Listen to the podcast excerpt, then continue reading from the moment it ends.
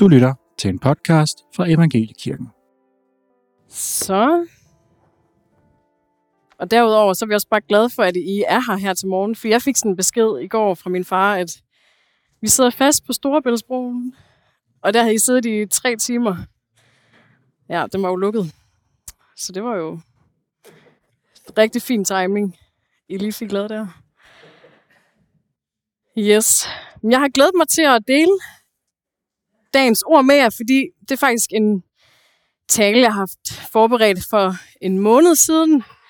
Men så den søndag morgen, så vågnede jeg op med corona, og så måtte jeg skrive til min far, eller jeg ringede. Det er lidt urgent, at øh, jeg kommer ikke i dag. Så han havde to timer til at finde på et eller andet til jer.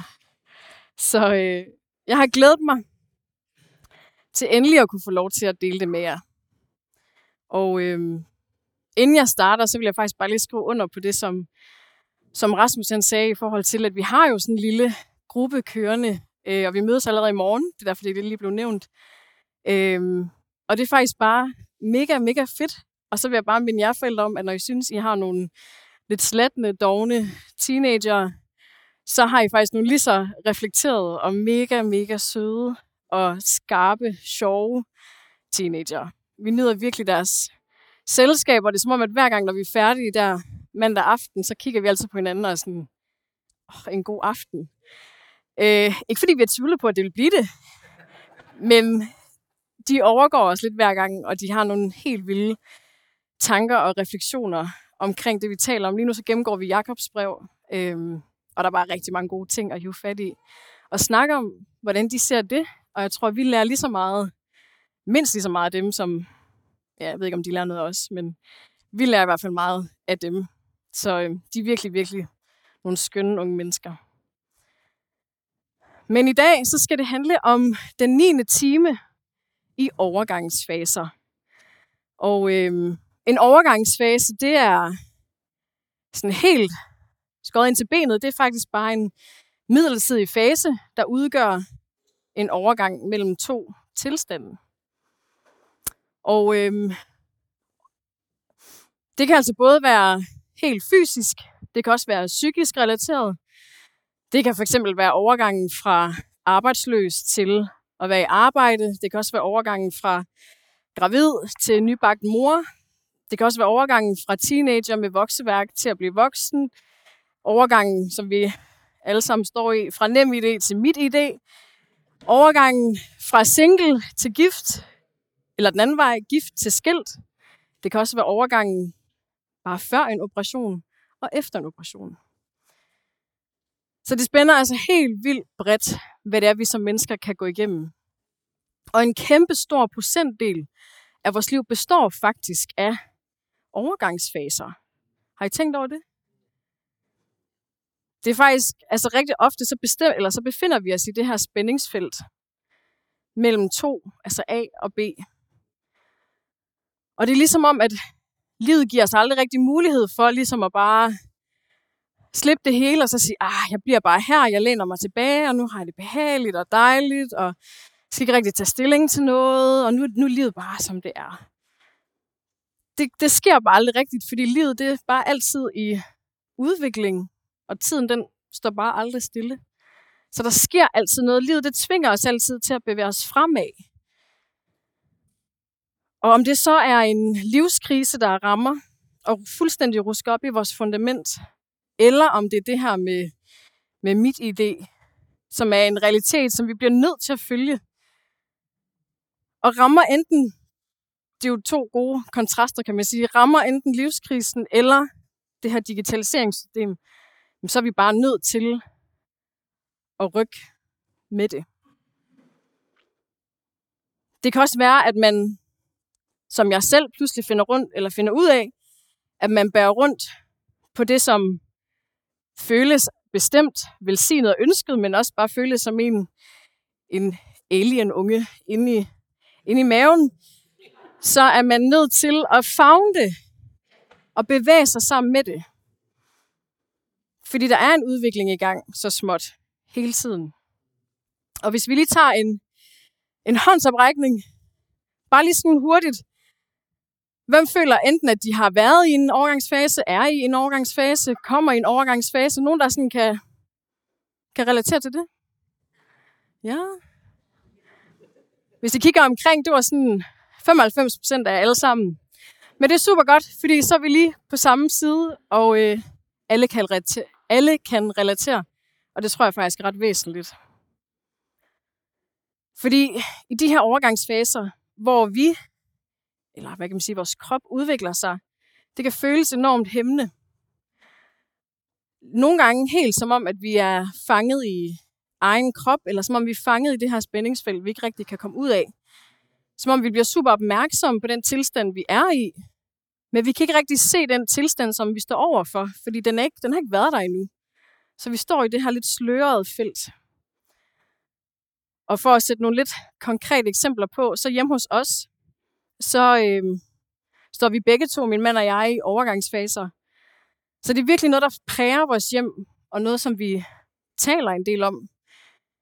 For mig selv, så brygger jeg på den her lille skabning, som har overtaget min krop. Og jeg kan allerede ikke det samme som før.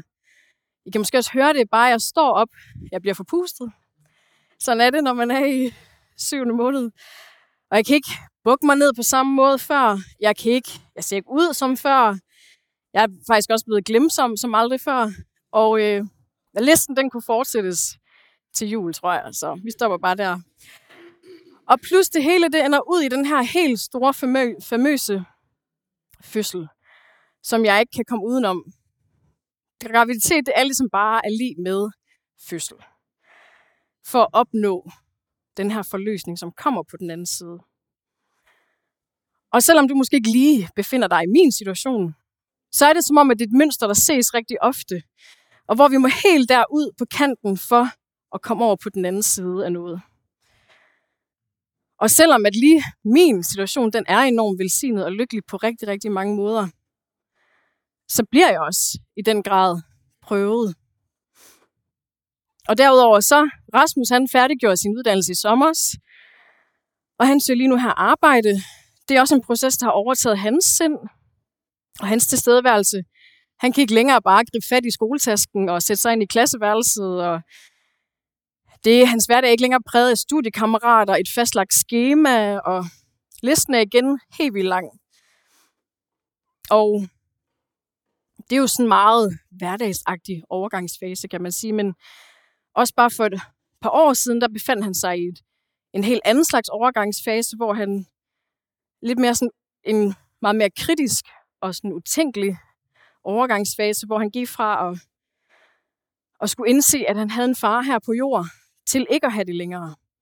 Og det kan også være en, en overgangsfase, som ofte føles fuldstændig uretfærdig. Og hvorfor skal vi dog stå i det? Men nogle gange, så er vi nødt til at slippe det her hylster, altså vores tilstand, for at noget nyt kan spire. For at Gud han kan spire i os. Fordi på den anden side af den her overgangsfase, så ligger der noget nyt. Og lad mig minde om i dag, hvis du har glemt det selv, så er du gennem Jesus Kristus født til noget nyt. Ikke bare én gang i dit liv, ikke bare én stor begivenhed, dengang du blev frelst, eller det er hele tiden, utallige gange, så er vi født til at træde ind i noget nyt. Vi kan heldigvis kigge på Jesus, som også befandt sig i en overgangsfase her på jorden. Der har jeg taget udgangspunkt i en lidt længere overgangsfase, hele hans liv faktisk, hvor han går fra at være levende, åndende menneske, som os andre, til at sidde ved Guds højre hånd. Og det var en 33 år lang overgangsfase, som vi alle sammen ved ikke var lige sød og rar, behagelig. Og der kom også det her punkt til sidst, som blev fuldstændig skældsættende. Og det lå her for enden af overgangsfasen, nemlig hans korsfæstelse. Og i Markus 15:33, der læser vi. Og da den sjette time kom, faldt der mørke over hele jorden indtil den 9. time. Og ved den 9. time, der råbte Jesus med, sin, med høj røst, min Gud, min Gud, hvorfor har du forladt mig? Korsfæstelsen, det var en begivenhed, der var fuldstændig, sådan menneskeligt set, fuldstændig brutal. Og det var en begivenhed, som var så skræmmende, at vi ikke sådan rigtigt kan forestille os det, tror jeg. Og en begivenhed, der gjorde så fysisk ondt, at selv Jesus, og det er ikke hvem som helst, verdens frelser, han blev nødt til at råbe til sin far i himlen. Min Gud, hvorfor har du forladt mig? Men samtidig, udover hvad den her brutale begivenhed, så var det også en begivenhed, der satte fri. Det var også en begivenhed, der udløste den største gave, som mennesken, menneskeheden nogensinde har set. Det var også en begivenhed, som Gud han havde fuldstændig kontrol over. Og hvor Guds ånd var stærkere til stede end nogensinde før, dengang Jesus han hang der på korset. Og korsfæstelsen kogt ned til en sætning måske bare, det var en begivenhed, hvor en ny begyndelse, den fandt sted.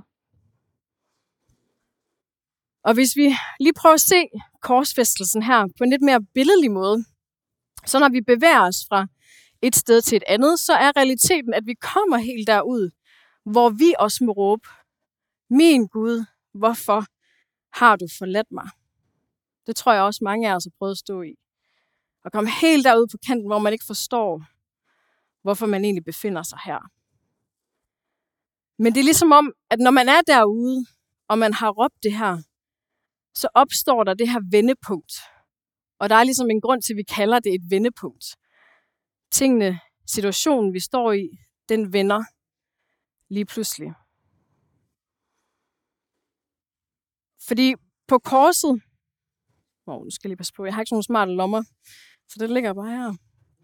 På korset, der blev vi sat fri fra det her menneskelige hylster, som jeg også lige nævnte før. Og vi fik som sagt, som vi alle sammen ved, muligheden for, at Jesus han tog bolig i os. Og det er ret essentielt, fordi overgangsfase, de er faktisk altafgørende for, at noget nyt kan indtræde. De kan ikke, noget nyt kan ikke indtræde, hvis den ikke har fundet sted. Så selvom at vi føler os komplet fanget og hæmmet, så har vores far i himlen ikke forladt os. Han har fuld kontrol over din situation, ligesom med Jesus dengang. Fordi han ser dig, og han ser også den slørede fremtid, som, som det virker for dig. Nogle gange så står vi der, og vi kigger ind i noget, som man ikke har været i før, så det er selvfølgelig sløret. Men han ser det fuldstændig klart, fordi han er der. Han har klargjort den fremtid til dig. Fuldstændig. Og han fører dig ind i den her nye begyndelse. Så han er der lige så meget i indgangen som i udgangen. Han er vores alfa og vores omega.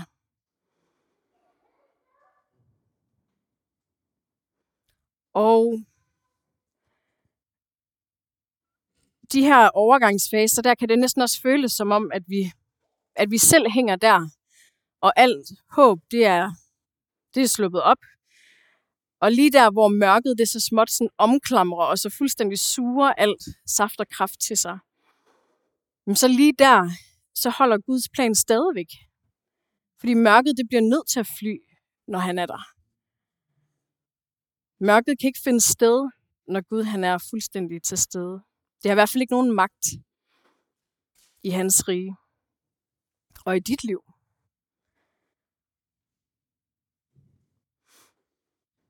Den 9. time, det er bestemt ikke tilfældigt, at, det er, at der var mørke ind til den 9. time. Den 9. time, det er også bedetimen. Og øh, hvis vi lige zoomer lidt ind på 9, så er der rigtig mange dele til, til det. Det betyder blandt andet en afslutning. Det betyder også en høst, en fødsel. Det betyder åndens frugter. Men der er tre ting, jeg gerne vil hive frem i forhold til tallet 9. Den første, det er de ni åndens frugter. Yes. Og det læser vi om i Galaterbrevet 5, 22-26. Og der står, men åndens frugt er kærlighed, glæde, fred, tålmodighed, venlighed, godhed, trofasthed, mildhed og selvbeherskelse. Alt dette er loven ikke imod. De, som hører Kristus Jesus til, har korsfæstet kødet sammen med lidenskaberne og begæringerne. Lever vi i ånden, skal vi også vandre i ånden. Lad os ikke bilde os noget ind. Lad os ikke tire og misunde hinanden. Det her, det er åndens frugter. Der nævnes ni. Derfor så linker de sig også til den 9. time. Den 9. time, det er der, hvor kærlighed, glæde, fred, tålmodighed, venlighed, godhed, trofasthed, mildhed og selvbeherskelse åbenbarer sig for dig. Og når vi lever i ånden, som der står, så skal vi også vandre i den. Og det er så vigtigt, at det er her, at vores liv også begynder at afspejle de her åndens frugter. Fordi vi er skabt til at vandre med dem. Skabt til at møde vores omgivelser med de her ni i vores liv som et fundament, vi går på. Og det er nok i virkeligheden en livslang læring. Ingen tvivl om det, men, når, men den 9. time, det er også bedetimen. Og bøn, det er bare ankeret, som holder os fast. Det, der sørger for, at vi bliver, at vi bliver der, hvor vi skal være. Og når den 9. time indtræder, så mørket, ligesom vi læste tilbage i korsfæstelsen, altså, og ligesom her, der hvor vi har nemt ved at misunde og tige, den tid, den er forbi. Den 9. time vil ligesom komme i overgangsfasen. Den anden ting, det er de ni måneder, der linker sig til fødsel og liv, eller fra mørke til fødsel, kan man måske også sige. Og det er jo noget, igen, som jeg selv kan forholde mig meget til. Øhm, og glæder jeg mig til det her, sådan, den, den store famøse fødsel? Nej. Men jeg glæder mig til det, som ligger rigtig kort efter. Sådan lige efter. Fordi den her nye begyndelse, øjeblikket, hvor de her ni måneder, de ligesom kulminerer, og jeg får lov til at få min, min datter i armene. Det er ligesom det, det handler om. At når det her det kulminerer, og Gud han får lov til at forløse sig over os, det er det, det handler om. Fordi overgangsfaserne, som vi, og som vi alle sammen var enige i, det er faktisk noget, vi hele tiden er i, det kan bare føles rigtig ofte mørkt. Der blev også nævnt, var det på sidste møde, at der er rapporter over, at vi er deprimeret mere end nogensinde. Mørket, det har bare på mange måder overtaget mangens hverdag og tilstedeværelse. Og det hele, det kan føles ret langt og tungt, håbløst, som det her mørke trummerum, der bare ikke ophører. Men jeg tror, det er vigtigt, at vi her husker på, at den her tid, som føles mørk, tung, den er underlagt det her mønster. Og det er også derfor, jeg har taget den lille, det lille mønster med med pilene. Fordi det er et gudskabt mønster. Der vil altid være en udgang, når du er gået ind af en indgang. Og hvordan det lige ser ud, kan vi som mennesker ikke altid forstå eller se. Og det virker måske endda, ligesom tilbage til mit eksempel med Rasmus, det kan endda måske føles helt vildt uretfærdigt. Men lad mig bare understrege for dig i dag, at Gud, han har skabt den 9. time. Han har skabt den her nye begyndelse til dig. Hver evig eneste gang, du befinder dig i en overgangsfase. Så hver gang du er i den, så vil du også automatisk befinde dig i det her mønster. Og dermed så har Gud lovet dig at tage dig videre. Og der er så mange vilde mønstre i Bibelen, som er mega fede. Og jeg har før talt om, jeg har nemlig haft det der mønster med en anden gang før. Det var, hvor at forberedelse, det skaber forandring. Det her med, at der er nødt til at finde en forberedelse til stede, før at en forandring kan ske. Og det her det er en helt anden sag, men jeg elsker de her mønstre. Fuldstændig håndgribelige mønstre, som er skabt af Gud til os for at leve efter det. Hold os op på det. Fordi de optræder som løfter på, at han har fuld kontrol og altid vil være til stede i vores indgang og i vores udgang. Det synes jeg er ret fantastisk. Så var det vist tredje ting, ja. Men i, at de 99 bliver efterladt for den ene. Det er Matthæus, Matthæus 18, 12-14. Hvad mener I, hvis en mand han har 100 får, og et af dem far vild? Lad han så ikke de 99 blive bjergene og går ud efter det vildfarne? Og lykkes det ham at finde det? Sandelig, jeg siger jeg, han glæder sig mere over det, end over de 99, der ikke får vilje. Således er det jeres himmelske faders vilje, at ikke en eneste af de her små skal gå fortabt. Det er Jesus, der fortæller dig det her. Det er Jesus, der fortæller mig det her. Du er vigtigere end de 99. Jesus han ser os i mængden, som vi også fik bevist lige før med hænderne reaktiveret. Vi bliver ofte hurtigt en del af mængden. Men han ser dig stadigvæk klarere end nogensinde. Og han ser din situation stjerneklart, selvom den måske på det ydre ikke er mere anderledes end alle andres. Så er du stadigvæk helt særlig netop for ham. Fordi du er hans barn. Og fordi, at når du føler dig fortabt og vandrer i mørket, det er lige præcis der, han ønsker at møde dig. Det er der, han ønsker at finde dig og vandre med dig og sætte dig fri. Når den 9. time kommer, så finder afslutningen sted. 9 betyder også afslutning. Det er der, vi høster. Det er der, vi opnår forløsning.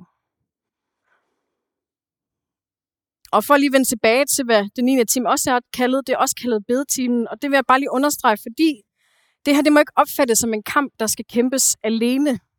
Tværtimod, vi skal bede. Den er også kaldet bedetime. Vi må også råbe til vores Gud. Hør vores sang. Fordi når vi beder, så i tale sætter vi, og ord det skaber. Om vi ved det eller ej, så danner bøn fundamentet for vores afslutning, men dermed også vores begyndelse. Det går hånd i hånd, og det gør en kæmpe, kæmpe forskel. Og mange af jer kender nok også det her med, at bøn kan hurtigt blive til sådan en, Nå ja, jeg skal lige huske at bede for hende, eller jeg skal lige huske at bede for det, eller jeg skal også lige huske at, at bede for, åh tak Gud, fordi det der det er jo også lige sket, og det havde jeg også bedt om. Ej, hvor dejligt. Og sådan den der nå ja-effekt. Men der jeg tror også, det er vigtigt, at vi stopper op og husker på, hvad bøn egentlig også går ud på. At det ikke skal være sådan en når ja-effekt, men at det også bliver en ting, som sidder ned igennem vores liv, altid, både i mørket og i lyset, i alle de her forskellige faser, som vi befinder os i. Fordi i bønden, der ligger forskellen. Det er den, der kommer til at definere, hvilket fundament vi vandrer på. Jeg kan huske dengang, at jeg for nogle år siden nu efterhånden var på efterskole, og jeg var enormt presset over det her fænomen, der hed livet, og jeg kunne ikke rigtig lige sådan finde ud af, hvordan i alverden jeg skulle få integreret bøn i mit liv. Jeg kan huske, det var noget, jeg gik til min leder for sådan at snakke lidt om, fordi jeg synes, det var, det var ligesom noget, jeg på en eller anden måde sådan fik sat på en pedestal. Øhm, og så havde jeg bare den her rigtig, rigtig skønne øh, leder fra Tyskland. Øhm, og han sagde, Emily, bed altid. Bed i de små. Og det han mente, det var jo, at bøn, det ikke skal sættes op på en pedestal. Det er ikke noget, jeg sådan skulle finde tid til, men bare være en fuldstændig naturlig kommunikation af min hverdag sammen med Gud. Og det er jo sjovt at se tilbage på nu her, men når jeg gør det, så kan jeg se, at det, som han sagde der til mig, og det kan lyde så simpelt, de her ord, men det dannede faktisk fundamentet for min udvikling i forhold til at finde ud af, hvordan Gud han også taler klarest til mig. Det er faktisk bare igennem tanker, når jeg er for mig selv. Det er ikke altid de her, faktisk aldrig rigtigt de her store billeder, og hvad det ellers kunne være. Det er fantastisk, at det også kan finde sted, men det er det bare ikke i min situation det er faktisk bare igennem tanker, og når jeg gør det i det små i min dagligdag. Så i de her faser, så vil den 9. time komme. Og tag det aldrig for givet. Gud han har kaldet os til at overvinde overgangsfaserne og træde ind i den nye begyndelse, som han har til dig. Han har dækket op, klar til, at du kommer og får alle dine behov mødt, og langt mere, end, man nogen, eller end du nogensinde kunne forestille dig. I Esajas bog, kapitel 43, 18-19, der står, Husk ikke på det, der skete tidligere. Giv ikke agt på fortiden. Nu skaber jeg nyt. Nu spiger det frem. Ved I det ikke? Ved I det ikke? Ved du ikke, at det spiger frem i dig? Dit mørke, hvis det er noget, du oplever, oplever så er det der, Gud han kan lyse. Og selvom det kan være et sådan menneskeligt, ubehageligt spændingsfelt, så er det lige præcis der, hvor han kan få lov til at forme og arbejde med os. Og læg også mærke til, at i forhold til, at der står, husk ikke på det. Husk ikke på det, der skete tidligere. Der står ikke, glem det, der skete tidligere.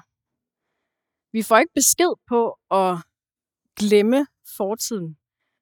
Fordi den har fundet sted. Den er en del af os. Men husk ikke på den. Meget stor forskel. Fordi i det så ligger der også, lad den ikke overtage dine tanker for fremtiden. Ha' magten over din fortid, og ikke omvendt.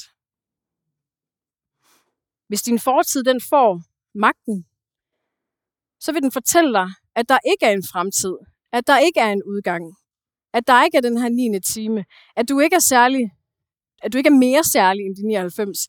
At der ikke er håb. Fortiden har ligesom en tendens til at hive os tilbage til det sted, vi var. Men du har magten til at hive fortiden med ind i din fremtid. Gud han har pålagt os den magt, fordi han tog bolig i os på korsfæstelsen.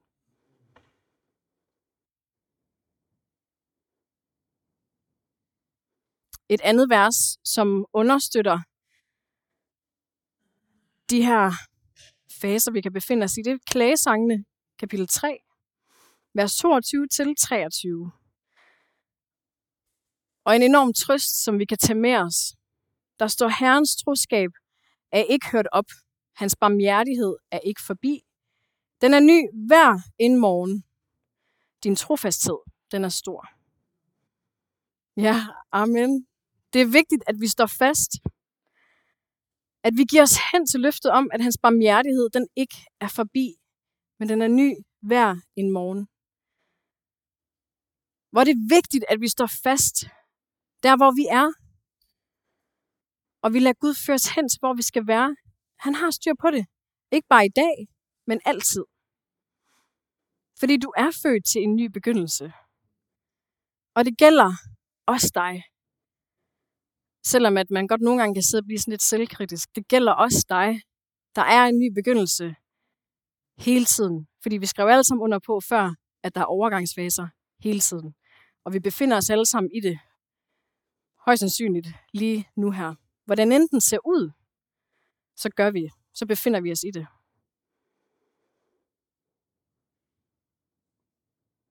Paulus han minder faktisk også om, at det her det netop er til os alle sammen. Det gør han i brevet til kolossenserne. Der står, du er fornyet i din skabers billede. Om du så er jøde, græker, omskåret eller uomskåret. Ligegyldigt, hvor du kommer fra. Og ligegyldigt, hvem du er, eller har, hvad du end har med i bagagen, så er du også inde i det her mønster. Og Gud, han har sat dig fri. Og hans, han har givet dig hans rige til at tage del i.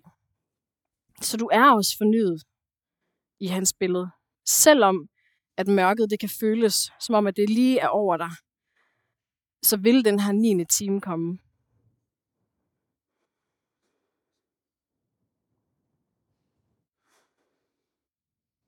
Den 9. time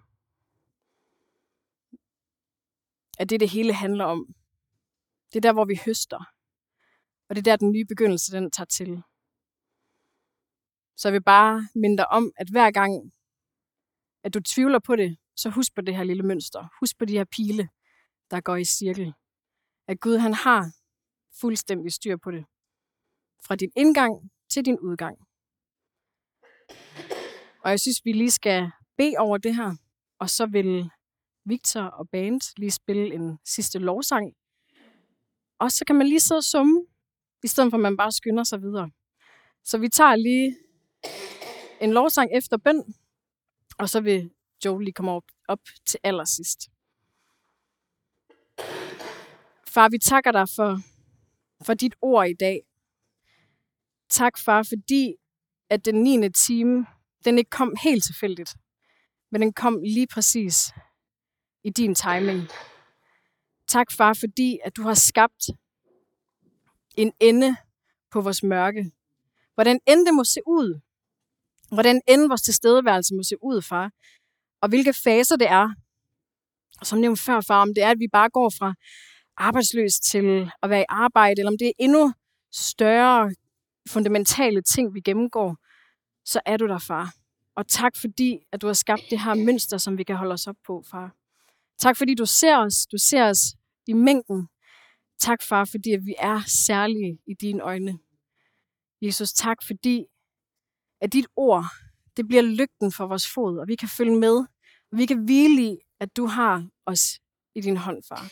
Fordi du lod Jesus, din eneborgne søn, gå igennem den her 30, 33 år lange fase, far, for at vi kunne blive sat fri. For at vi også kunne få lov til at opleve en forløsning. Gang på gang, far. Du er ikke sådan en far, der bare giver én gang, men altid. Jesus, tak fordi vi kan give os hen til dig.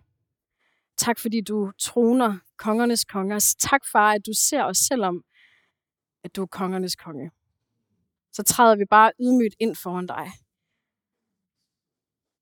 Tak far, fordi vi får lov til det, og vi ikke behøver at gøre os fortjent og kæmpe for det. Men far, tak fordi, at vi bare igennem bøn kan kommunikere. Tak fordi du hører os. Du ser vores hjerte. Og tak fordi, at du altid har en plan til allersidst. Selvom det er der, det gør allermest ondt. Og selvom det er der, hvor vi ikke kan se, at det hele, det, hvor det skal ende, så det er lige præcis der, hvor du tager os ud på den anden side. Og du har dækket op. Og du har dækket op med alle de behov, som vi har brug for. For tak fordi, at ingen andre kan gøre det end dig. Vi priser dig, og vi takker dig for din, dit nærvær lige nu her, far. Fordi når du er her, så må mørket fly. I Jesu navn. Far, nu vil vi lovsynge dit navn. Kongernes konge, herrenes herre. Vi priser dig. Amen. Halleluja. Halleluja.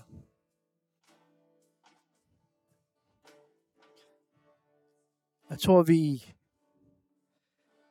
vi tager lige et øjeblik, fordi jeg tror, at vi alle sammen oplever at være i en overgangsfase i livet på den ene eller den anden måde.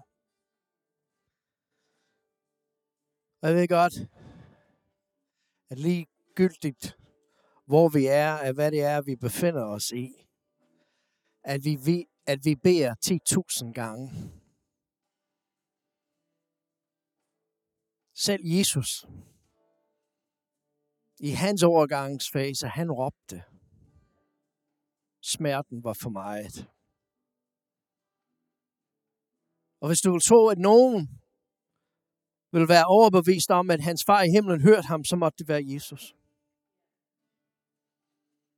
Men selv midt i hans overgangsfase, så råbte han. Jeg tror, at vi tager lige et øjeblik, og vi vil være helt stille. Helt stille. Og bare lytte til Helligånden.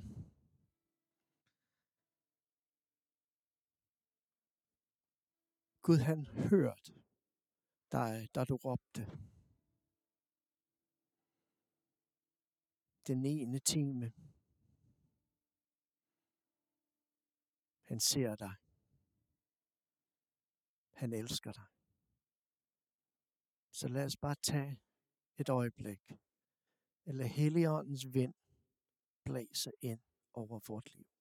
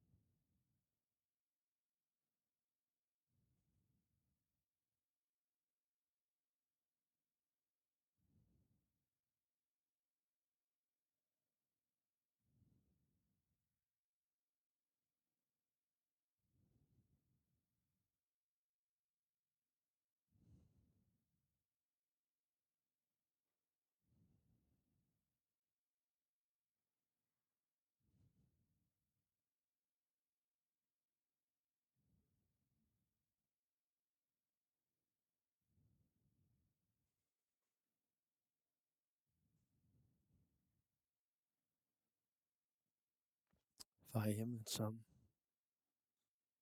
vi sang i dag. Vi oplever, at du kalder os dybere ind i din kærlighed. Far, vi ved, at de overgangsfaser i livet fører os ind i noget nyt. Men det kan være svært, for Der er så meget usikkerhed, tvivl, spørgsmål, smerte, frustration. For lad os forstå, at selvom vi oplever de ting, du forstår os, og du kalder os dybe ind i din kærlighed. Så at vi også kan opleve en opstandelse i dig. Og lad os tage dit ord, som er blevet forkyndt i dag, ind i vort hjerte. At ud af det kommer åndens frugter. Far, du tager det overgangsfase, som vi er i, i dette øjeblik.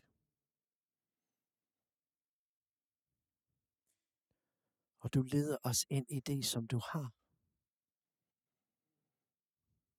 Hvor åndens frugter begynder at blomstre i vort liv.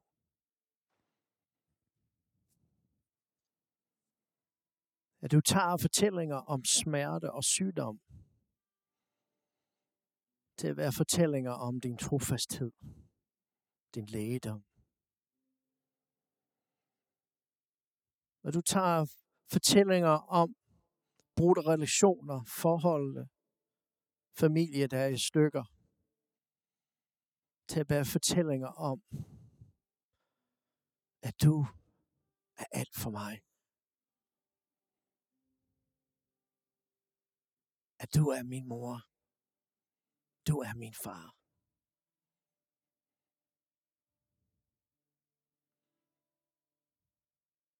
At du tager fortællinger i vort liv om at blive brudt. Igen i min overgangsfase ind til at være en fortælling om, at du har genoprettet os. At du har lært os at leve livet som du vil, at vi skulle leve livet. Far, lad os opleve overgangsfaser, som leder os ind i åndens frugter. Det er vores bøn i dag, far. Jeg takker dig, far i himlen, fordi du hører os. I vores stillhed har du hørt ved eneste, som er råbt til dig. I vores stillhed har du set ind i vort indre menneske. Ind i vores dybeste frustration, ind i vores dybeste smerte, ind i vores dybeste spørgsmål. Og du har hørt os.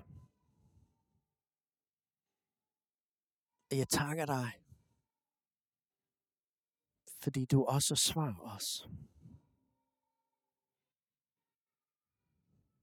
Vi takker dig, Helligånd, for alt du gør i dette øjeblik. Vi takker dig, far, fordi den fred, du kommer med. Du kommer med fred i vort liv, fordi du er os nådig.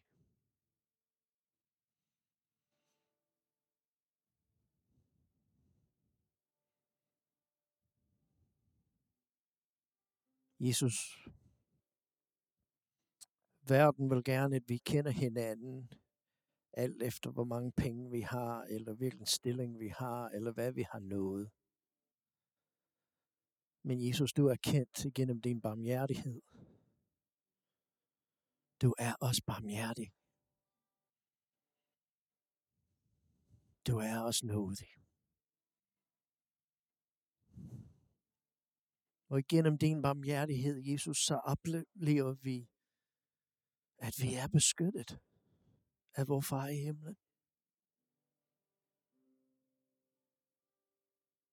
At det er ikke os,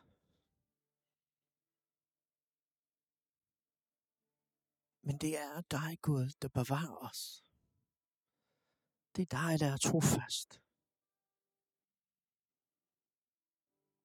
Det er dig, der forsvarer dine løfter i vort liv.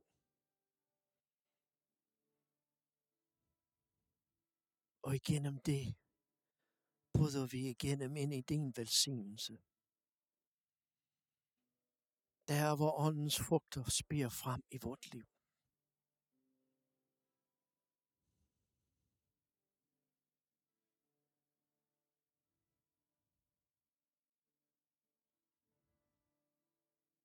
Halleluja.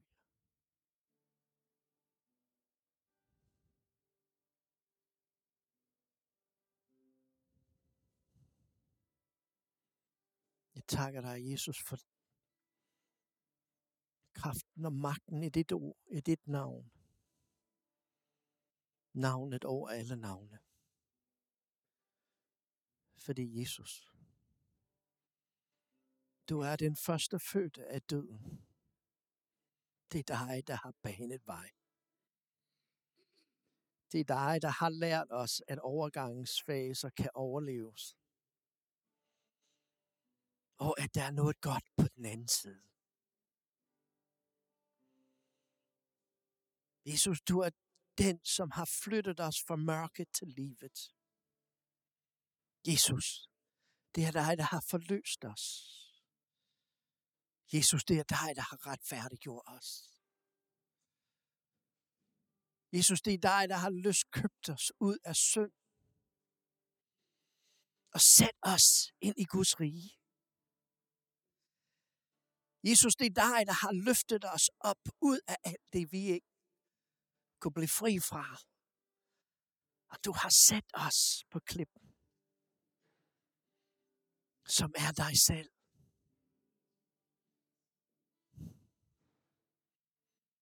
Jesus, vi takker dig. Og vi priser dig for din godhed.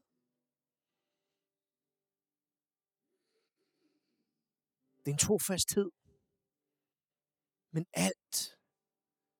Men ud over alt, far, vi takker dig for din kærlighed. Fordi i dig finder vi en kærlighed, vi aldrig har mødt et andet sted en kærlighed, der overvælder os. Og far i himlen, min bøn i dag, det er, at din kærlighed vil overvælde hver eneste en, som er her i dag. Lad os opleve, lad os mærke, lad os komme i kontakt, lad os møde din kærlighed i vort liv. Vi beder. Lad os alle sammen rejse os. Og som vi går herfra, og vi tager Guds ord, som er blevet forkyndt ind i vort liv, og vi lader det spire frem, at vi lader Guds ord begynde at lære os at leve livet på en anden måde. Lad os også tage Guds velsignelse med os. Og lad os altid huske på, at vor far i himlen, han elsker os, som modtager Herrens velsignelse. For Herren velsigner dig, og Herren bevarer dig. Herren lader sit ansigt lyse over dig og være dig nådig. Herren løfte sit ansigt mod dig og give dig fred. Amen. Tak for formiddag. Gud velsigne jer. Du har lyttet til en podcast fra Evangeliekirken på Frederiksberg. Vil du vide mere om kirken, kan du besøge vores hjemmeside evangeliekirken.dk eller finde linket i beskrivelsen. Tak fordi du lyttede med.